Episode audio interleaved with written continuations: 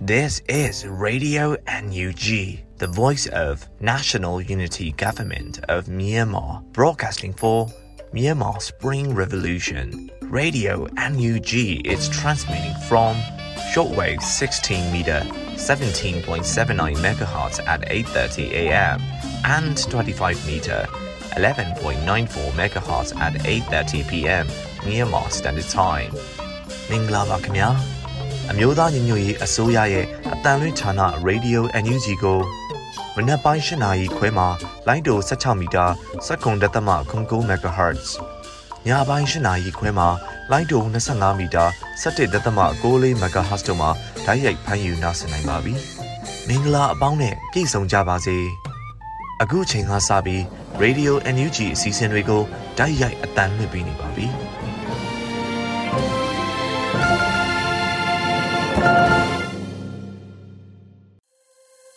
မြန်မာနိုင်ငံသူနိုင်ငံသားအပေါင်းတဘာဝပြီးစစ်အာဏာရှင်ဘေးတို့ကနေခင်ဝေးပြီးဘေးကင်းလုံခြုံကျန်းမာကြပါစေလို့ရေဒီယိုအယူဂျီဖွဲ့သားများကဆုတောင်းမေတ္တာပို့သလိုက်ရပါတယ်ရှင်။ပထမဆုံးအနေနဲ့ကာကွယ်ရေးဝန်ကြီးဌာနရဲ့စီရေးသတင်းအကျဉ်းချုပ်ကိုຫນွေဦးမောင်မှတင်ပြပေးမှာဖြစ်ပါတယ်ရှင်။ယခုချိန်ကစပြီးကာကွယ်ရေးဝန်ကြီးဌာနအမျိုးသားညီညွတ်ရေးအစိုးရမှထုတ်ဝေသော နိုင်စဉ်စီရေးသတင်းအချင်းချုပ်ကိုတင်ဆက်ပေးပါမယ်။နိုင်စဉ်စီရေးသတင်းအချင်းချုပ်ကိုတင်ဆက်ပေးပါတော့မယ်။စစ်ကောင်စီတပ်သားကြဆုံ36ဦးစစ်ကောင်စီတပ်သားဒဏ်ရာရ89ဦးစစ်ကောင်စီနဲ့တိုက်ပွဲဖြစ်ပွားမှုသတင်းများကိုတင်ဆက်ပေးပါမယ်။ကရင်ပြည်နယ်တွင်2022ခုနှစ်ဇွန်လ9ရက်နေ့ကရင်ပြည်နယ် KNLA ကရင်အမျိုးသားလူမျိုးရေးတပ်မတော်အမှတ်6တပ်မဟာလက်အောက်ရှိတန်ရင်တပ်ခွဲစစ်သည်များ မတ်လဧပြီလနဲ့မေလ3လအတွင်းစစ်ကောင်စီနဲ့ KNLA ကရင်အမျိုးသားလွတ်မြောက်ရေးတပ်မတော်အကြားထိတွေ့ရင်ဆိုင်တိုက်ပွဲပေါင်း180ကြိမ်ဖြစ်ပွားခဲ့ပြီးစစ်ကောင်စီဘက်မှ399ဦးသေဆုံး၍182ဦးထိခိုက်ဒဏ်ရာရရှိခဲ့သည်စစ်ကောင်စီတပ်သား9ဦးဖမ်းဆီးနိုင်ခဲ့ပြီးစစ်တုံးမှန်ဥပဒေနဲ့အညီထိန်းသိမ်းထားကစစ်ကောင်စီတေဆုံးမှုများစည်ရင်းတွေတွင်တရင်မှုတအုပ်နဲ့ဒုခွဲမှုတအုပ်ပါဝင်၍ထိခိုက်ဒဏ်ရာရသူများစည်ရင်းတွင်ဒူးရင်မှုတအုပ်နဲ့တက်ခွဲမှုတအုပ်ပါဝင်ခဲ့သည် KNL ကရင်အမျိုးသားတပ်မတော်ဘက်မှတိုင်းပြည်နဲ့လူမျိုးအတွက်10ဦးအသက်ပေးလူခဲ့ရပြီး19ဦးထိခိုက်ဒဏ်ရာရရှိခဲ့သည်3လတာအတွင်း KNL ကရင်အမျိုးသားလွတ်မြောက်ရေးတပ်မတော်အမှတ်6တပ်မဟာမှစစ်ကောင်စီ၏ထောက်ပို့အတွက်အသုံးပြုသည့်ထောက်ပို့မော်တော်ယာဉ်တစ်စီးနှင့်လက်နက်ခဲယမ်းအများအပြားတင်ဆက်ရမိခဲ့ကြောင်းသိရသည်။ကရင်နီကရားပြည်နယ်တွင် 2022ခုနှစ်ဇွန်လ10ရက်နေ့ကရင်နီကရားပြည်နယ်ဓမော့ဆုံမြို့နယ်စံပြ6မိုင်ကျေးရွာသို့စစ်ကြောင်းထိုးလာသောစစ်ကောင်စီတပ်နှင့်ကင်းလှည့်လာသော KNDF BO9 တို့ထိတွေ့တိုက်ပွဲဖြစ်ပွားခဲ့ပြီးစစ်ကောင်စီဘက်မှအကြအဆုံးကိုမသိရသေးပေ။ KNDF BO9 မှ၄ဦးထိခိုက်ဒဏ်ရာရရှိခဲ့ကြောင်းသိရသည်။စကိုင်းတိုင်းတွင်2022ခုနှစ်ဇွန်လ10ရက်နေ့စကိုင်းတိုင်းဝက်လက်မြို့နယ်ဖွင့်လိုင်းကျေးရွာနှင့်ဗိုလ်တဲကျေးရွာကြား၌ရွှေဘုံမြို့နယ်ရွှေဘုံမြို့တောင်ဘက်ရှိ မူယိုလန်အတိုင်းအရှိတ်ဘက်ဝက်လက်မြို့နယ်ထဲသို့ခြေလျင်ထိုးလာသောစစ်ကောင်စီတပ်သား80ကျော်ပါစစ်ကြောင်းနှင့်ရွှေဘိုခရိုင်တရင်ကနက်တောင်နကပြည်သူ့ကာကွယ်ရေးတပ်ဖွဲ့ရေဘုံမြို့နယ်ပခဖတို့ထိတွေ့တိုက်ပွဲဖြစ်ပွားခဲ့ရာ စစ်ကောင်စီတပ်သား2ဦးသေဆုံးပြီး9ဦးဒဏ်ရာရရှိခဲ့ကြောင်းသိရသည်2022ခုနှစ်ဇွန်လ10ရက်နေ့စကိုင်းတိုင်းတမူးမြို့နယ်ကွန်းတောင်ကျေးရွာတွင်စခန်းချနေသောစစ်ကောင်စီတပ်သားများကိုတမူးခရိုင် PDF တရင်တက်မှတွားရောက်တိုက်ခိုက်ခဲ့ပြီးအပြန်အလှန်ပစ်ခတ်မှုဖြစ်ပွားခဲ့ကာစစ်ကောင်စီဘက်မှဆက်လက် 60mm များဖြင့်ပစ်ခတ်တိုက်ခိုက်ခဲ့သဖြင့်ရန်လည်ဆုတ်ခွာခဲ့ကြောင်းသိရသည်2022ခုနှစ်ဇွန်လ10ရက်နေ့ စကိုင်းတိုင်းစကိုင်းမြို့နယ်ဘဒူကျေးရွာနဲ့ကံကြီးကုန်းကျေးရွာကြား၌စစ်ကောင်စီကားကြီး2စီးအားဒေသခံကာကွယ်ရေးတပ်ဖွဲ့မှမိုင်းဆွဲတိုက်ခိုက်ခဲ့ကြောင်းသိရသည်2022ခုနှစ်ဇွန်လ9ရက်နေ့စကိုင်းတိုင်းခင်ဦးမြို့နယ်ညောင်မင်းကြီးစုကျေးရွာအနီး၌စစ်ကောင်စီတပ်သားများအား DUGF အဖွဲ့မှ3ကြိမ်ဘုံပြီးကျဲချတိုက်ခိုက်ခဲ့ကြောင်းသိရသည်တနင်္လာရီတိုင်းတွင်2022ခုနှစ်ဇွန်လ10ရက်နေ့တနင်္သာရီတိုင်းပလောမြို့နယ်စက်ကောင်စီအင်အား100ခန့် ဒူးရင်ပင်ရှောင်ရွာဘက်တက်လာခဲ့ကစစ်ကြောင်းတစ်ကြောင်းခွဲပြီးတစ်ခုသည်တောင်ဖီလာဘက်နောက်တစ်ခုသည်ကျင်းကာရွာမှမြို့ဟောင်းဘက်သို့လာရောက်သည့်အချိန် PDF ပူပေါင်းတပ်ဖွဲ့ဘက်မှလက်နက်ကြီးဖြင့်နှစ်ချက်ပစ်ခတ်ခဲ့သည်ထို့နောက်စစ်ကောင်စီဘက်မှလက်နက်ကြီး၅ချက်လမ်းပေးရာစားခဲရွာအနီးသို့ချခဲ့သည်ထိတ်တိုက်တိုက်ပွဲဖြစ်သည်ဟုကနအူးသိရတော့လဲလက်နက်ကြီးအပြန်အလှန်ခံမှန်းပစ်ခတ်ခဲ့တာဖြစ်ကြောင်းသိရပါတယ် မွန်ပြည်နယ်တွင်2022ခုနှစ်ဇွန်လ10ရက်နေ့ပဲခူးတိုင်းပဲခူးမြို့မှမွန်ပြည်နယ်တထုံမြို့ဘက်သို့စစ်ကောင်စီအင်အားအပြည့်ဖြင့်မောင်းနှင်လာသောစစ်ကောင်စီရင်နှန်းအားကြိုက်ထိုဒေါင်းတောင်လက်ပံပင်ရွာနှင့်ဘိုက်ကားကျေးရွာကြားတွင်ကရင်အမျိုးသားလွတ်မြောက်ရေးတပ်မတော် KNL နဲ့ပူးပေါင်းတပ်ဖွဲ့များမှကြားဖြတ်မိုင်းဆွဲတိုက်ခိုက်ခဲ့ရာစစ်ကောင်စီတပ်သား10ဦးသေဆုံးပြီး15ဦးဒဏ်ရာရရှိခဲ့သည်အဆိုပါမိုင်းဆွဲတိုက်ခတ်မှုကြောင့်စစ်ကောင်စီရန်တန်းနဲ့ KNL တပ်များမိနစ်အနည်းငယ်ကြာအပြန်အလှန်ပစ်ခတ်မှုဖြစ်ပွားခဲ့တော့လဲ KNLA နဲ့ပူးပေါင်းတပ်ဖွဲ့များဘက်မှအထိခိုက်မရှိပြန်လည်ဆုတ်ခွာနိုင်ခဲ့ကြောင်းသိရသည်2022ခုနှစ်ဇွန်လ9ရက်နေ့မနက်ပိုင်းမွန်ပြည်နယ်ကြိုက်ထုံမြို့နယ်တညင်ချောင်းရွာဝင်လန်းအနီးတွင်ကြိုက်ထုံဘက်မှဘီလင်းဘက်သို့ထွက်ခွာလာသည့်စစ်ကောင်စီကား၄စီးအားကြိုက်ထုံ KRF ကြိုက်ထုံပခဖနှင့် KNLA ပူးပေါင်းအဖွဲ့မှမိုင်းဆွဲပစ်ခတ်တိုက်ခတ်ခဲ့သည် တိုက်ခတ်မှုကြောင့်စစ်ကောင်စီဘက်မှအထိခိုက်ဒေဆုံးစရင်အတိအကျကိုမသိရှိရသေးပဲပူးပေါင်းအဖွဲ့များအထိခိုက်မရှိစုခွာနိုင်ခဲ့ကြောင်းသိရသည်မကွေးတိုင်းတွင်2022ခုနှစ်ဇွန်လ9ရက်နေ့မကွေးတိုင်းရေစကြိုမြို့နယ်ရေစကြိုမြို့ပေါ်ရှိတပ်မ101လက်အောက်ခံတရင်များဖြစ်ကြသောခလာရ256နဲ့ခလာရ258စစ်ကောင်စီခြေလျင်တရင်များအားဒေသကာကွယ်ရေးမဟာမိတ်၄ဘွဲ့ဖြစ်သောရေစကြို PDF Northern ရေစကြို NYSO ပျောက်ကြားတပ်ဖွဲ့ ညာရင် Rural Guerrilla Force နဲ့ Steel Hawk တမန်နိသိန်းက PDF ညိုင်တောင်ရှိတုံးမှာလက်နက်ကြီး22ချက်မိနစ်30ကျော်ခန့်ပြစ်ခတ်တိုက်ခိုက်ခဲ့ကြောင်းသိရသည်2022ခုနှစ်ဇွန်လ9ရက်နေ့မကွေးတိုင်းရေစကြိုမြို့နယ်စင်ဖြူရှင်တရားဂိတ်စခန်းသို့ပြည်သူ့ကာကွယ်ရေးတပ်ဖွဲ့ရေစကြိုမြို့နယ်ပြည်သူ့ကာကွယ်ရေးတပ်ဖွဲ့မြိုင်မြို့နယ်ပြည်သူ့ကာကွယ်ရေးတပ်ဖွဲ့စလင်းကြီးမြို့နယ်စလင်းကြီး Special Task Force ညီနောင်မဟာမိတ်အဖွဲ့များပူးပေါင်း၍ တနာရီခန့်အကြာဝင်တိုက်ခဲ့ရာစစ်ကောင်စီတပ်သား3ဦးသေဆုံး၍တအူးအရှင်ဖမ်းမိခဲ့သည် G3 ၄လက်ဦးစီ3လက်6လုံးပြူတစ်လက်နဲ့ကြီးစံတစ်ထောင်ဘုံဒီတစ်လုံးနဲ့ငွေချက်သိန်း130စိုက်ကယ်၄စီသိန်းဆယ်ရမိကအိတ်ဆောင်6ဆောင်နဲ့ဘန်ကာ၄ခုအားမီးရှို့ရှင်းလင်းခဲ့ကြောင်းသိရသည်2022ခုနှစ်ဇွန်လ9ရက်နေ့မကွေးတိုင်းရေစကြိုမြို့နယ်စင်ချေယာရွာမှ ရရက်နီရွာသို့ထွက်လာသောစစ်ကောင်စီတပ်သားများနဲ့ဒေသခံ LDF တို့ထိတွေ့တိုက်ပွဲဖြစ်ပွားခဲ့ရာဒေသခံကာကွယ်ရေးတပ်မှရဲဘော်2ဦးဒဏ်ရာရရှိပြီးမစိုးရိမ်ရာစစ်ကောင်စီတပ်သား9ဦးနဲ့အထက်ထိခိုက်ဒဏ်ရာရရှိခဲ့ကြောင်းသိရသည်။2022ခုနှစ်ဇွန်လ10ရက်နေ့မကွေးတိုင်းကံကောမြို့နယ်ရဲလာရွာမှထွက်လာသောစစ်ကောင်စီတပ်ကြောင်းအား နပါတတရင်901 People Defense Force ကံကော Battalion တရင်904တရင်906 Hyper UAV Force YPDF တို့ပူးပေါင်း၍လက်နက်ကြီးလက်နက်ငယ်များအသုံးပြုပြီးပျောက်ကြားစနစ်ဖြင့်ခြုံခိုတိုက်ခိုက်ခဲ့သည်တိုက်ပွဲကြာချိန်တနာရီအတွင်းစစ်ကောင်စီတပ်သား15ဦးခန့်သေဆုံး၍ညနေပိုင်းတွင်စစ်ကောင်စီစစ်ကြောင်းမှငွေလေရွာမှရေရှင်မရွာသို့ခြိတက်လာစဉ်ကြားပြတ်တိုက်ခိုက်ခဲ့ရာစစ်ကောင်စီ9ဦးခန့်သေဆုံးခဲ့ပြီးစုစုပေါင်း20ဦးကြာဆုံးခဲ့ကြောင်းသိရသည် ရန်ကုန်တိုင်းတွင်2022ခုနှစ်ဇွန်လ9ရက်နေ့ရန်ကုန်တိုင်းလဲကုမြို့နယ်ဖောင်ကြီးကျေးရွာအုပ်စုတွင်ရှိသည့်မိုက်တဲတာဝါတိုင်းကိုစောင့်ကြည့်သည့်စစ်ကောင်စီတပ်သား9ဦးကိုအမည်မသိအဖွဲ့မှပစ်ခတ်ခဲ့ရာအရာရှိဗိုလ်ရဲဝင်းထိမှန်သေဆုံးခဲ့ကြောင်းသိရသည်ဆက်လက်ပြီးစစ်ကောင်စီ၏အကြမ်းဖက်မှုများကိုတင်ဆက်ပေးပါမယ်။ ကရင်နီကရားပြည်နယ်တွင်2022ခုနှစ်ဇွန်လ10ရက်နေ့ကရင်နီကရားပြည်နယ်လွိုက်ကော်မြို့နယ်ကရန်ချက်ခုကျေးရွာသို့စစ်ကောင်စီတပ်ခလာရ250အမြောက်တပ်မှလက်နက်ကြီးများနှင့်ပစ်ခတ်မှုကြောင့်နေအိမ်တစ်လုံးထိခိုက်ပျက်စီးခဲ့ကြောင်းသိရသည်2022ခုနှစ်ဇွန်လ9ရက်နေ့ကရင်နီကရားပြည်နယ်လွိုက်ကော်မြို့နယ်လွယ်တမှုကုန်းကျေးရွာရှိစစ်ကောင်စီအမှတ်356အမြောက်တရင်မှ တဘောဆိုမြို့နယ်ဒေါ်ပေါ်ကလဲရွာဘက်သို့60မမများဖြင့်ပြစ်ခတ်မှုကြောင့်အသက်45နှစ်အရွယ်အမျိုးသမီးတဦးထိမှန်သေဆုံးပြီးအမျိုးသားတဦးဒဏ်ရာရရှိခဲ့ကြောင်းသိရသည်။စကိုင်းတိုင်းတွင်2022ခုနှစ်ဇွန်လ10ရက်နေ့စကိုင်းတိုင်းမော်လိုင်းမြို့နယ်မော်ကူးကျေးရွာသို့စစ်ကောင်စီတပ်သားများဝင်ရောက်ခဲ့ပြီးနေအိမ်သုံးလုံးမိရှို့ဖျက်ဆီးခဲ့ကြောင်းသိရသည်။2022ခုနှစ်ဇွန်လ10ရက်နေ့စကိုင်းတိုင်းတမူးမြို့နယ်တမူးမြို့မြို့အနီးရှိမြေနီကုန်းဘုံကြီးကျောင်းရှိစစ်ကောင်စီတပ်သားများမှလက်နက်ကြီးများပစ်ခတ်မှုကြောင့် ပြည်သူနေအိမ်နှလုံးထိခိုက်ပျက်စီးခဲ့ကြောင်းသိရသည်2022ခုနှစ်ဇွန်လ10ရက်နေ့စကိုင်းတိုင်းတမူးမြို့နယ်ရန်လင်းဖိုင်ကျေးရွာရှိ TBA ခရီးရန်ကျောင်းအားစစ်ကောင်စီတပ်သားများလက်နက်ကြီးလက်နက်ငယ်များဖြင့်ပစ်ခတ်ဖျက်ဆီးပြီးတပ်ဆွဲနေခဲ့သည်ကလေးဘက်မှထွက်လာသည့်ခရီးတင်ကားတစ်စီးအားစစ်ကောင်စီတပ်သားများပစ်ခတ်တိုက်ခတ်ခဲ့ရာကားသမားတအူသေဆုံးခဲ့ပြီးတအူဒဏ်ရာရရှိခဲ့ကြောင်းသိရသည်2022ခုနှစ်ဇွန်လ6ရက်နေ့စကိုင်းတိုင်းမြောင်မြို့နယ်ဒုက္ခဒီပကျေးရွာသို့စစ်ကောင်စီတပ်သားများဝင်ရောက်ခဲ့ပြီး လက်နက်ကြီးလက်နက်ငယ်များဖြင့်ရန်တမ်းပစ်ခတ်ခဲ့ကစိတ်ရောဂါတဲ့တအူအားပစ်ခတ်တပ်ဖြတ်ခဲ့ကြောင်းသိရသည်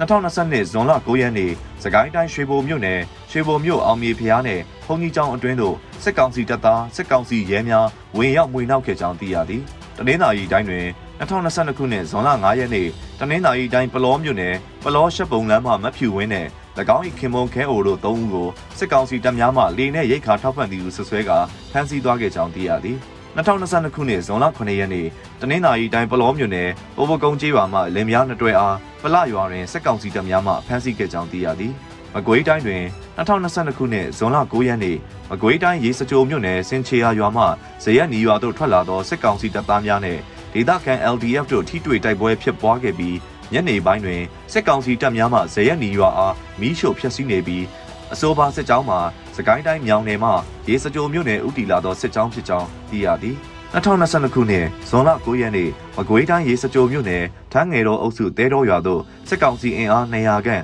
လက်နက်ကြီးများတနက်များဖြင့်ပစ်ခတ်ဝင်ရောက်ပြီးတောရဲသို့လက်နက်ကြီးများဖြင့်ပစ်ခတ်တောင်းနှင်းနေသည်၎င်းရွာကိုမီးရှို့သဖြင့်ရွာဒေသခံများရွာတွင်ပိတ်မိနေပြီးရွာထဲမှတောရဲသို့လက်နက်ကြီးများဖြင့်အဆက်မပြတ်ပစ်ခတ်နေကဒေသခံပြည်သူ20ဦးကိုလည်းဖမ်းဆီးထားကြောင်းသိရသည်မန္တလေးတိုင်းတွင်2022ခုနှစ်ဇွန်လ9ရက်နေ့ မန္တလေးတိုင်းမြင်းချံမြို့နယ်မီးပေါက်ရွာမှပြည်သူတအူအားစစ်ကောင်စီများ light truck ကားတစ်စီးအရက်ဝတ်များဖြင့်အင်အား6ဦးစိုက်ကယ်2စီးဖြင့်အင်အား4ဦးတို့ဖြင့်လာရောက်ဖမ်းဆီးခဲ့သည်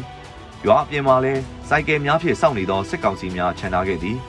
ဒူလဘိုရွာကိုလည်းစစ်ကောင်စီများမှ PDF ပုံစံဖမ်းပြီးမိဘအုပ်စုရက်ကြီး NLD ဥက္ကဋ္ဌဦးလှမြင့်ကိုလာရောက်ရှာဖွေခဲ့ကရှာမတွေ့သောကြောင့်လာဖမ်းသောစစ်ကောင်စီများမှရရွာသို့ပြန်သွားခဲ့ကြောင်းသိရသည်2022ခုနှစ်ဇွန်လ10ရက်နေ့ မန္တလေးတိုင်းကြောက်ပတောင်းမြို့နယ်ဖတ်တော်ရေရွာနေပြည်သူတို့အားလုံခဲ့သောတုံးဘက်ခန့်တွင်စစ်ကောင်စီများမှဖမ်းဆီးခဲ့ပြီးရှေ့ရက်နေ့မနက်ပိုင်းရတိတ်တောင်ရွာသို့သွားသည့်လမ်းပေါ်တွင်ရိုက်နှက်နှိပ်စက်ကာပြစ်တက်ခဲ့သည်2022ခုနှစ်ဇွန်လ9ရက်နေ့မန္တလေးတိုင်းအောင်မြေတာဆန်မြို့နယ်ရှိအိုးဘိုအကျဉ်းထောင်တွင်ထောင်ဝန်ထမ်းနှင့်905ကအကျဉ်းသားများစကားများကြရာတွင်ထောင်ဝန်ထမ်းမှစတင်ထိုးရာထောင်ဝန်ထမ်း9ဦး6ဦးခန့်မှဝိုင်းဝန်းရိုက်နှက်ခဲ့သောကြောင့်အချုပ်ခန်းတွင်ရှိသောသူများမှလည်းပြန်လည်ဝိုင်းထိုးခဲ့သည်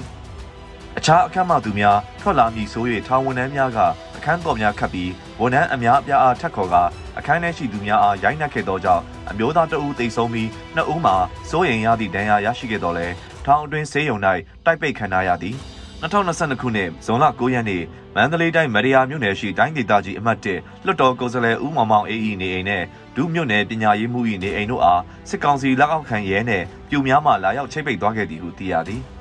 ရှမ်းပြည်နယ်တွင်2022ခုနှစ်ဇွန်လ9ရက်နေ့ရှမ်းပြည်နယ်ဖေခုံမြို့နယ်ဖေခုံမြို့တော်ခမ်းမရှိတွင်စစ်ကောင်စီတပ်ဖွဲ့များအစစ်အဆေးကျန်းနေပြီးမိန်းကလေးတအုပ်ကိုပါရိုက်ပြီးစစ်ဆေးနေကြောင်းသိရသည်ယခုတင်ဆက်ပေးခဲ့တာကတော့ကာကွယ်ရေးဝန်ကြီးဌာနအမျိုးသားညီညွတ်ရေးအစိုးရမှထုတ်ဝေသောနိုင်စင်စီရေးသတင်းအချင်းချုပ်ပဲဖြစ်ပါတယ်ကျွန်တော်ကတော့ຫນွေဦးမှာပါခင်ဗျာ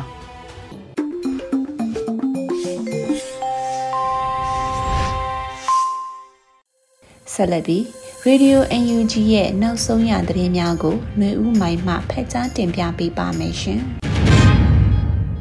မင်္ဂလာပါရှင်။အခုချိန်ကစပြီး Radio UNG ရဲ့မနက်ခင်းသတင်းများကိုဖတ်ကြားပေးပါတော့မယ်။ဤသတင်းများကို Radio UNG သတင်းတောင်ခံများနဲ့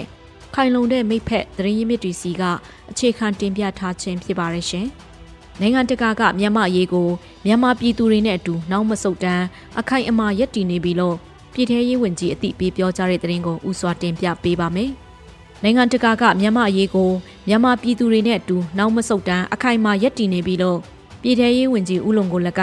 ဇွန်လ9ရက်နေ့မှာအသိပေးပြောကြားလိုက်ပါတယ်။နိုင်ငံတကာကပေါ်ပေါ်တင်တင်အသိမှတ်ပြုတွေ tacit recognition ဟာတရားဝင်အသိမှတ်ပြုမှုအဆင့်မဟုတ်သေးပေမဲ့မြန်မာအရေးကိုမြန်မာပြည်သူတွေနဲ့အတူနောက်မဆုတ်တမ်းအခိုင်အမာရပ်တည်နေပြီးနောက်ထပ်လည်းဒီထက်ပိုမိုခိုင်မာတဲ့ရပ်တည်မှုတွေ နိုင်ငံအလိုက်ရောပူပေါင်းဆောင်ရွက်မှုတွေအရာပါအမြန်တိုးတက်လာတော့မယ်ဆိုတာတွေကိုဖော်ပြနေတာပါပဲမနာမနေစ조사ပေးနေတဲ့ဝင်ကြီးဒူးဝင်ကြီးနဲ့ဝင်ကြီးဌာနအတွက်ဂုံယူအားတက်နေရပါတယ်လို့ဝင်ကြီးကဆိုပါတယ်2022ခုနှစ်ဇွန်လ10ရက်နေ့တွင်ဆွီဒင်နိုင်ငံစတော့ဟုမ်မြို့၌မြန်မာနိုင်ငံချားယဝင်ကြီးဒေါ်စင်မအောင်မှဆွီဒင်နိုင်ငံနိုင်ငံချားယဝင်ကြီးအားမြန်မာအရေးနဲ့ပတ်သက်၍တွေ့ဆုံဆွေးနွေးခဲ့ပါတယ်ရှင်။ ဆက်လက်ပြီးနိုင်ငံတော်၏အတိုင်းပင်ခံပုဂ္ဂိုလ်တော်အောင်ဆန်းစုကြည်နဲ့ရှောင်းတန်နယ်အပါဝင်9ဦးကိုနိုင်ငံတော်လှုပ်ဝက်ဥပဒေပုံမှ3.1ကငယ်ဖြင့်ဆွဲချက်တင်အမိန့်ချတဲ့တင်ကိုတင်ပြပေးပါမယ်။ဇွန်လ9ရက်နေ့မှာနေပြည်တော်ရှိအထူးတရားရုံးကဆွဲချက်တင်အမိန့်ချမှတ်လိုက်တယ်လို့တရားရုံးနဲ့နှီးဆက်တဲ့အတိုင်းဝန်းကတင်ရရှိပါရယ်။အဆိုပါအမှုအတွက်ပြန်ခေါ်တက်တဲ့လေးဦးကိုခေါ်ယူထားတယ်လို့လည်းသိရပါရယ်။ စစ်ကောင်စီဘက်ကမတရားဆွဲဆိုထားသောအမှုမှာရှောင်းတန်နယ်ဒေါ်အောင်ဆန်းစုကြည်စီမံဘဏ္ဍာပြည်ထောင်စုဝန်ကြီးဦးစိုးဝင်းစီမံဘဏ္ဍာပြည်ထောင်စုဝန်ကြီးဟောင်းဦးကျော်ဝင်းနဲ့စီမံဘဏ္ဍာဒုတိယဝန်ကြီးဦးဆက်အောင်တို့ပါဝင်တယ်လို့ဖော်ပြပါရရှင်ဆက်လက်ပြီးစိတ်ဖြုံမြို့နယ်အတွင်းရှိမူလာရန် CDM ចောင်းသားចောင်းသူများကိုဇွန်လ10ရက်နေ့ကစတင်ကြောင်းအလက်ခံမဲ့တရင်ကိုတင်ပြပေးပါမယ်။အမျိုးသားညီခွင့်ရေးဆိုရပညာရေးဝန်ကြီးဌာန၏လိုင်းညွှန်ချက်များနဲ့ညီ စိတ်ဖြူမြို့နယ်အတွင်းရှိမူလရန် CDM ចောင်းသားចောင်းသူများကိုဇွန်လ10ရက်နေ့မှာစတင်ကចောင်းအပ်လက်ခံပါမယ်လို့စိတ်ဖြူမြို့နယ်ပင်ညာရေးဘုတ်အဖွဲ့ကဆိုပါတယ်။ចောင်းအပ်လက်ခံရှောက်လွှာပုံစံများကိုဇွန်လ10ရက်နေ့နနက်8:00နာရီအချိန်မှာစိတ်ဖြူမြို့နယ်ပင်ညာရေးဘုတ်အဖွဲ့လူမှုကွန်ရက်စာမျက်နှာတွင်တရားဝင်ကြေညာပေးမှာဖြစ်ပါတယ်ရှင်။တပိတ်ချင်း Federal School အတွက် volunteer ဆရာဆရာမခေါ်ရတဲ့တရင်ကိုဆက်လက်တင်ပြပေးပါမယ်။ ဇွန်လ9ရက်နေ့မှာတပိတ်ချင်း Federal School အတွက်တင်ကြားရေးဆရာဆရာမများခေါ်ယူနေတယ်လို့အသိပေးကြေညာခဲ့ပါတယ်။ကျွန်တော်တို့တပိတ်ချင်းမြို့နယ်အတွက်အခမဲ့ TVK Federal School ရဲ့ပထမခြေလှမ်းဖြစ်သော home based learning အစီအစဉ်လေးကိုအကောင့်ထဲပေါ်လှုပ်ဆောင်သွားမှာဖြစ်ပါတယ်။ယခုခါကျွန်တော်တို့ရဲ့ TBK online education program မှာ volunteer ဆရာဆရာမဖြစ်ကူညီအားဖြစ်ပေးလို့သူများအနေဖြင့် Google Form များတွင်စာရင်းဖြည့်သွင်းကူညီပေးပါရန် မေတ္တာရက်ခံအပ်ပါတယ်လို့ဆိုထားပါတယ်။ဤပညာပိုင်းဆိုင်ရာအကူအညီပေးနိုင်ဖို့တပိတ်ချင်း Federal School ကစီစဉ်ပေးသွားမှာဖြစ်တယ်လို့သိရပါတယ်ရှင်။ဆက်လက်ပြီးရန်ကုန် Federal School ကဖောင်ဖြည့်ထားတဲ့ကျောင်းသား8000ကျော်ကိုတင် जा ပေးနိုင်ဖို့စတင်စီစဉ်ဆောင်ရွက်နေတဲ့သတင်းကိုတင်ပြပေးပါမယ်။ဇွန်လ9ရက်နေ့ကြေညာချက်အရပထမအတုပ်ကလေးများတင် जा တင်ယူမှုစတင်ပြီးတာနဲ့ကျောင်းသားအသက်များဆက်လက်လက်ခံပေးသွားမှာဖြစ်တယ်လို့ ရန်ကုန် Federal School ကသိရပါဗျ။ရန်ကုန် Federal School ၏ပြည်သူပညာရေးရန်ရာကြားကာလပညာရေးအစီအစဉ်များထဲမှာပူးပေါင်းပါဝင်ပေးကြတဲ့အတွက်ဂုဏ်ယူဝမ်းမြောက်မိပါတယ်။ကျောင်းအပ်လို့ရသေးလားဆိုတော့ယခုရက်ပိုင်းဖောင်များကိုခਿੱတပိတ်ထားပါရခင်ဗျာဖောင်ဖြည့်ထားတဲ့ကျောင်းသား8000ကျော်ကိုတင် जा ပေးနိုင်ဖို့စတင်စီစဉ်ဆောင်ရွက်နေခြင်းကြောင့်ဖြစ်ပါတယ်လို့ဆိုထားပါတယ်မြို့နယ်ပင်ငါရေးဖို့အဖွဲ့များနဲ့အွန်လိုင်းစာသင်ကျောင်းများမှယခုနှစ်ကျောင်းဖွင့်ရသည့်အတွက်ကျောင်းအပ်လက်ခံရာ ကျောင်းသားမိဘများကကျောင်းသားသိန်းနဲ့ချီကျောင်းအပ်ခဲ့ပါတယ်အဆိုပါကျောင်းများကို NUG ပင်ငါရေးဝန်ကြီးဌာနကအတိမတ်ပြုကျောင်းလင်းကြေညာချက်များထုတ်ပြန်ထားပါတယ်ရှင်။ဆက်လက်ပြီးနိုင်ငံတော်၏အတိုင်ပင်ခံပုဂ္ဂိုလ်တော်အောင်ဆန်းစုကြည်ရဲ့89နှစ်ပြည့်မွေးနေ့မှာ MOPFI United Bonds အဖွဲ့ဝင်များက ကြဆုံသွားသော PDF တွေရဲ့ကောင်း9ဦးရဲ့ကြာရက်သူမိသားစုများအတွက်ငွေတိုက်စာချုပ်9ဆောင်လှူဒါန်းတဲ့တဲ့ရင်ကိုတင်ပြပေးပါမယ်။ဇွန်လ9ရက်နေ့မှာအမျိုးသားညီညွတ်ရေးအစိုးရ MOPFI ကတရင်ထုတ်ပြန်ချက်အရနိုင်ငံတော်၏အတိုင်ပင်ခံပုဂ္ဂိုလ်တော်အောင်ဆန်းစုကြည်ရဲ့89နှစ်ပြည့်မွေးနေ့မှာ MOPFI United Bonds အဖွဲ့ဝင်များကကြဆုံသွားသော PDF တွေရဲ့ကောင်း9ဦးရဲ့ကြံရက်သူမိသားစုများအတွက်ငွေတိုက်စာချုပ်9ဆောင်လှူဒါန်းကြပါတယ်။ ယခုလိုကြဆုံသူရဲ့ကောင်းများရဲ့အမိနဲ့ကြံရက်သူမိသားစုဝင်များအတွက်ငွေတိုက်စာချုပ်များဝယ်ယူလှူဒါန်းကြခြင်းဖြင့်တော်လှန်ရေးကာလအတွက်လည်းဗဏ္ဍာငွေရရှိမှာဖြစ်သလိုတော်လှန်ရေးလုံကာလမှာလည်းຫນွေဥတော်လှန်ရေးမှာအသက်ပေးသွားကြရသူများရဲ့မိသားစုများကိုပြန်လည်စောင့်ရှောက်ခွင့်ရကြမှာဖြစ်ပါတယ်လို့ဖော်ပြပါတယ်။ကြာဆုံးသူရဲကောင်းများရဲ့ကြံရက်သူမိသားစုများအတွက်ငွေတိုက်စာချုပ်ဝေးလိုပါက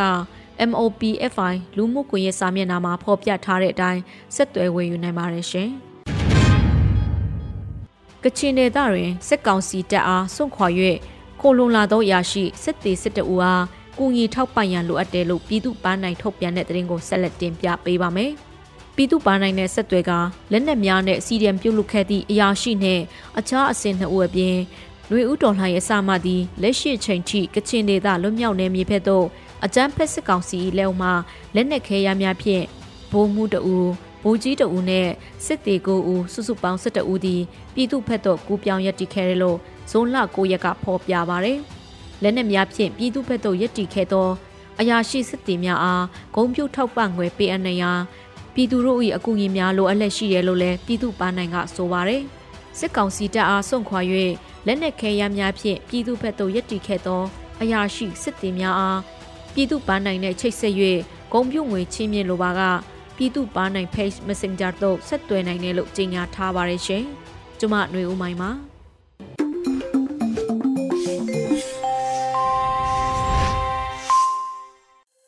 ရေဒီယို UNG သောတာရှင်များရှင် PVTV ရဲ့နေ့စဉ်သတင်းများကိုတော့မျိုးတော်တာမှဖက်ကြားတင်ပြပေးထားပါတယ်ရှင်။ ပထမဆုံးတင်ဆက်ပေးမှာကတော့ဟုံမလင်းစာတင်ကျောင်းဘုံပောက်ကွဲမှုက BTF တွေရဲ့လုံရမဟုတ်ဘူးဆိုတာနဲ့ BTF ကိုပုံရိပ်တွေဖျက်ဆီးတဲ့လုံရဖြစ်တယ်လို့မြို့နယ်ပအဖပွဲကထုတ်ပြန်လိုက်တဲ့သတင်းမှာ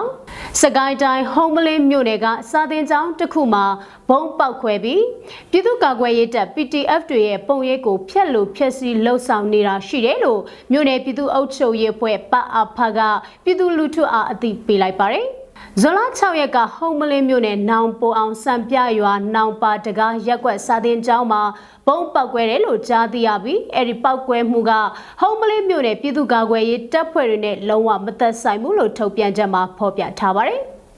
အမျိုးသားညွရေးအစိုးရရဲ့မြို့နယ်ပအဖပကဖ PTF တပ်ဖွဲ့တွေ LTF တပ်ဖွဲ့တွေကိုလမ်းညွှန်ချက်မှာ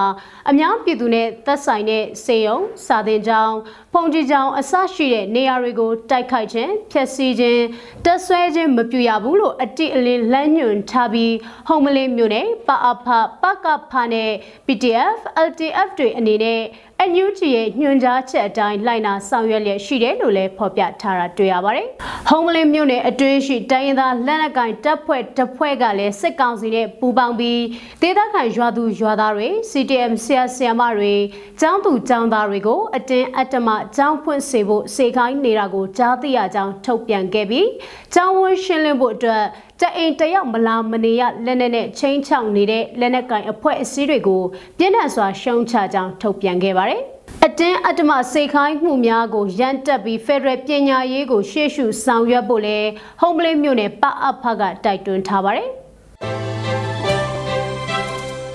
အခုတကတင်ဆက်ပေးမှာကတော့အကြံဖက်စစ်တပ်ကပြည်သူတွေကိုပြေးခိုင်းပြီးတော့နောက်ကနေတနတ်နဲ့ပြစ်တက်မှုတွေပြုလုပ်နေတယ်ဆိုတဲ့သတင်းပါ။အကြမ်းဖက်စစ်တပ်ကမြင်းမှုမြို့နယ်ကံဖျားကျေးရွာမှာပြည်သူတွေကိုထွက်ပြေးခိုင်းပြီးတော့နောက်ကနေတနတ်နဲ့ပြစ်တက်မှုတွေဇွန်လ6ရက်ကပြုလုပ်ခဲ့တယ်လို့ဒေသခံတွေစီကသိရပါဗျ။အဲဒီလိုပြစ်ခတ်မှုတွေကြောင့်ပြည်သူ12ဦးကြာဆုံးခဲ့ရတယ်လို့ဒေသခံတွေကပြောပါဗျ။ ကြာဆုံးပြည်သူတွေကဦးမြင့်ဦးအသက်50ဝန်းကျင်အဘဦးမောင်ဆန်းကိုယူဘအသက်30ဝန်းကျင်အဘဦးအောင်ကြည်ကိုနေစာအောင်အသက်29 CTM ကျောင်းစရာအဘဦးအောင်ကြည်ကိုလှဆိုးကိုမင်းအေးနိုင်ဒေါ်စင်မြင့်ဦးမောင်ချစ်စုံစမ်းစေကိုပိုင်ပိုင်စိတ်ချမ်းမာရေးမကောင်းတို့ဖြစ်ပြီးကျန်တဲ့သူတွေကိုနာမည်တွေမသိရသေးဘူးလို့လည်းဆိုပါတယ် တေဆုံးသူတွေပြင်တန်ရာရသူတွေလည်းအများပြားရှိနေတယ်လို့ဒေသခံတွေကပြောပါတယ်။အသက်18နှစ်ရွယ်ပိုင်ပိုင်ဆိုတဲ့ကလေးကပိုလီယိုယောဂသည်လေးပါစိတ်လဲမမှန်ဘူးအဲ့ဒီကလေးကိုခြေထောက်တွေနဲ့ဝိုင်းကန်နေလို့ဘေးကလူကယောဂသည်ကလေးပါမလောက်ပါနဲ့လို့တားလို့ရက်သွားပါတယ်ကလေးကအဲ့ဒါကိုတူကန်လို့ပြန်ကန်တာအဲ့ဒီမှာတင်မိတဲ့ဆွဲပစ်လိုက်တာပါလို့ဒေသခံတူကပြောပါတယ် အကြမ်းဖက်စစ်တပ်ကဇွန်လ6ရက်မွန်းလွဲပိုင်းမှာကံဖျားကျေးရွာကိုဝင်ရောက်စီးနင်းမှုတွေပြုလုပ်ခဲ့တာဖြစ်ပြီးမြက်စောညီနောင်ဖျားဝင်းအတွင်းမှာခိုလုံနေတဲ့စစ်ရှောင်းတွေစီရောက်လာတာကနေအခုလိုပြစ်တက်မှုတွေပြုလုပ်ခဲ့တာဖြစ်ပါတယ်။စစ်ရှောင်းတွေအထက်ကအမျိုးသား30ကျော်ကိုပြေးခိုင်းပြီးနောက်ကနေတနတ်နဲ့ပြစ်တက်မှုတွေပြုလုပ်ခဲ့တာပါ။ အကြမ်းဖက်စစ်တပ်ကပြည်သူတွေကိုပြစ်တက်မှုတွေပြုလုပ်ခဲ့တဲ့ပြင်ဒေသခံတွေရဲ့ဆိုင်ကယ်တွေနဲ့အခြားပစ္စည်းတွေကိုမိရှုပျက်စီးမှုတွေပြုလုပ်ခဲ့ပါသေးတယ်။အဆိုပါဖြစ်စဉ်နဲ့ပတ်သက်ပြီးအမျိုးသားညိုရေးအစိုးရရဲ့သက်ဆိုင်ရာဝန်ကြီးဌာနတွေကစုံစမ်းစစ်ဆေးမှုတွေပြုလုပ်ပြီးတက်သေးအထောက်အထားတွေရယူထားကတရားစီရင်ရေးအတွက်ဆောင်ရွက်နိုင်အောင်လှုံ့ဆော်နေတယ်လို့လည်းသိရပါဗျ။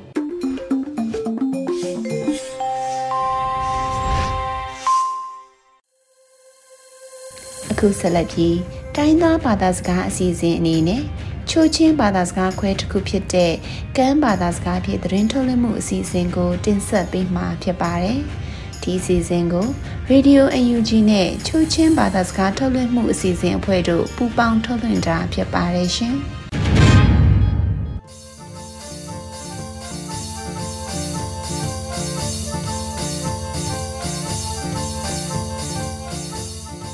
NUG Crow kan radio nam nga ya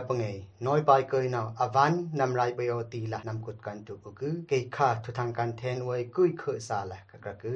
alam ma suk la min dat pi nam suki tu e kut khu ya kum thong ni kum thong kum earth on kum thong kum ni hu ma na the thang na ka basic primary school and middle school mong u ku ti ya mong apan ni la pakuku pdf tuan chat tu ye sa khan lu si uan am ka na ke dong a rai ka the on pyu so thi thong la dum pung shikuti among apathum nakla CTF kambelet tuen rai kap the tuei kut khuya BBU pungei von than tu red ram nak heye non kampekuti among apali nakla batupui kho kala on walang pie annalaka rai kap the tu on matupi CTF tu kap kru en rai kap the pasha la dum pung shikuti among apanga nakla batu khopui khuya hat chai nak akrung na ke dong a စေယုံกายปึงครางอเดิมดาอมกเตยมองอลัมมซึกออยทังกุมทองคุมนี่กุมทองกุมเอิดอ่อนกุมทองกุมนี่มุมหันนาเท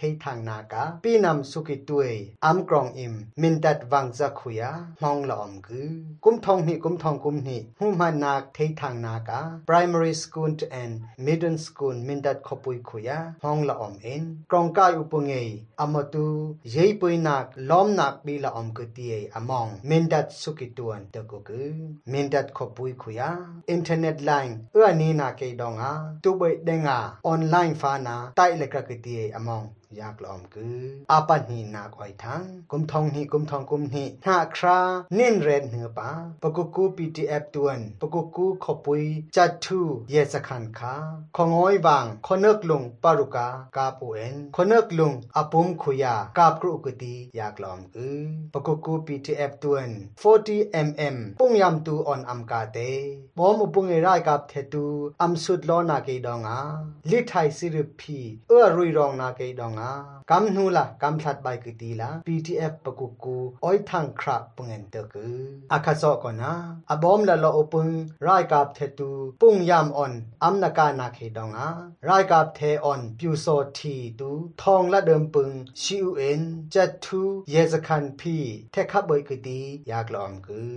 apathum oi thang kum thong ni kum thong kum ni na khra ni ngan he pa kan pelet kho pu ya rai kap the tu ei am hun tho อเตลานันซีทีเอ็มวันทันตูเรดรับนักเฮยออยเจกนักนอนกัมปรังกติอมองกัมเบลซีทีเอฟเอ็น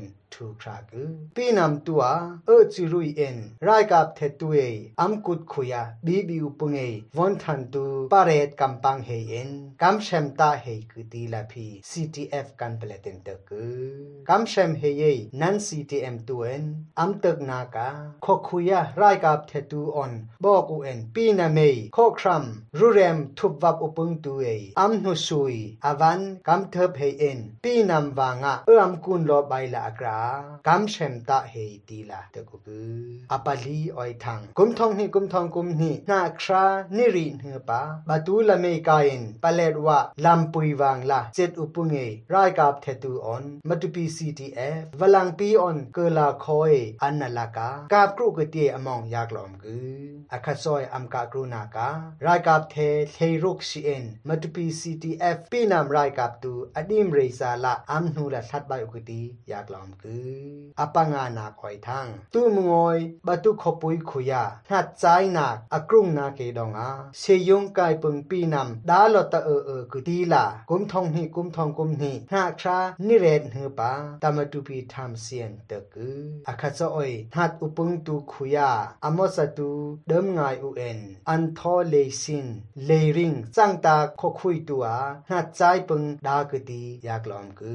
kum thong ni kum thong kum ni ha นาครานิลีเนปาชินแลนดิเฟนฟอสมาตุปีปีนำไรกับมังทางเลนโมพีเซลุงเซวาอวดวาวนาเกดองอานัดใจนาออนสิกตียากลอมกือเอ็นยูจีครกางเรดิโอนำงายาปงเงน้อยไปเกยนาอวันไรเสริมเสริมอุณอมอู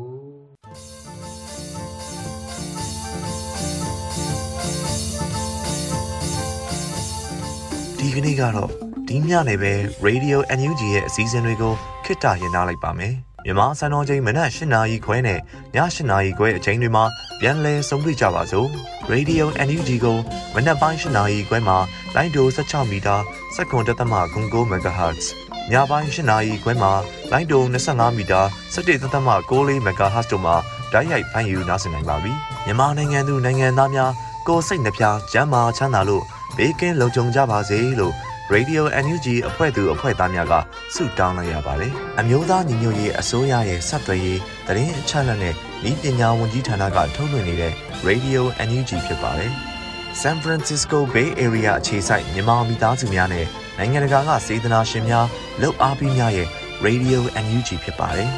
။အရေးတော်ပုံအောင်ရမည်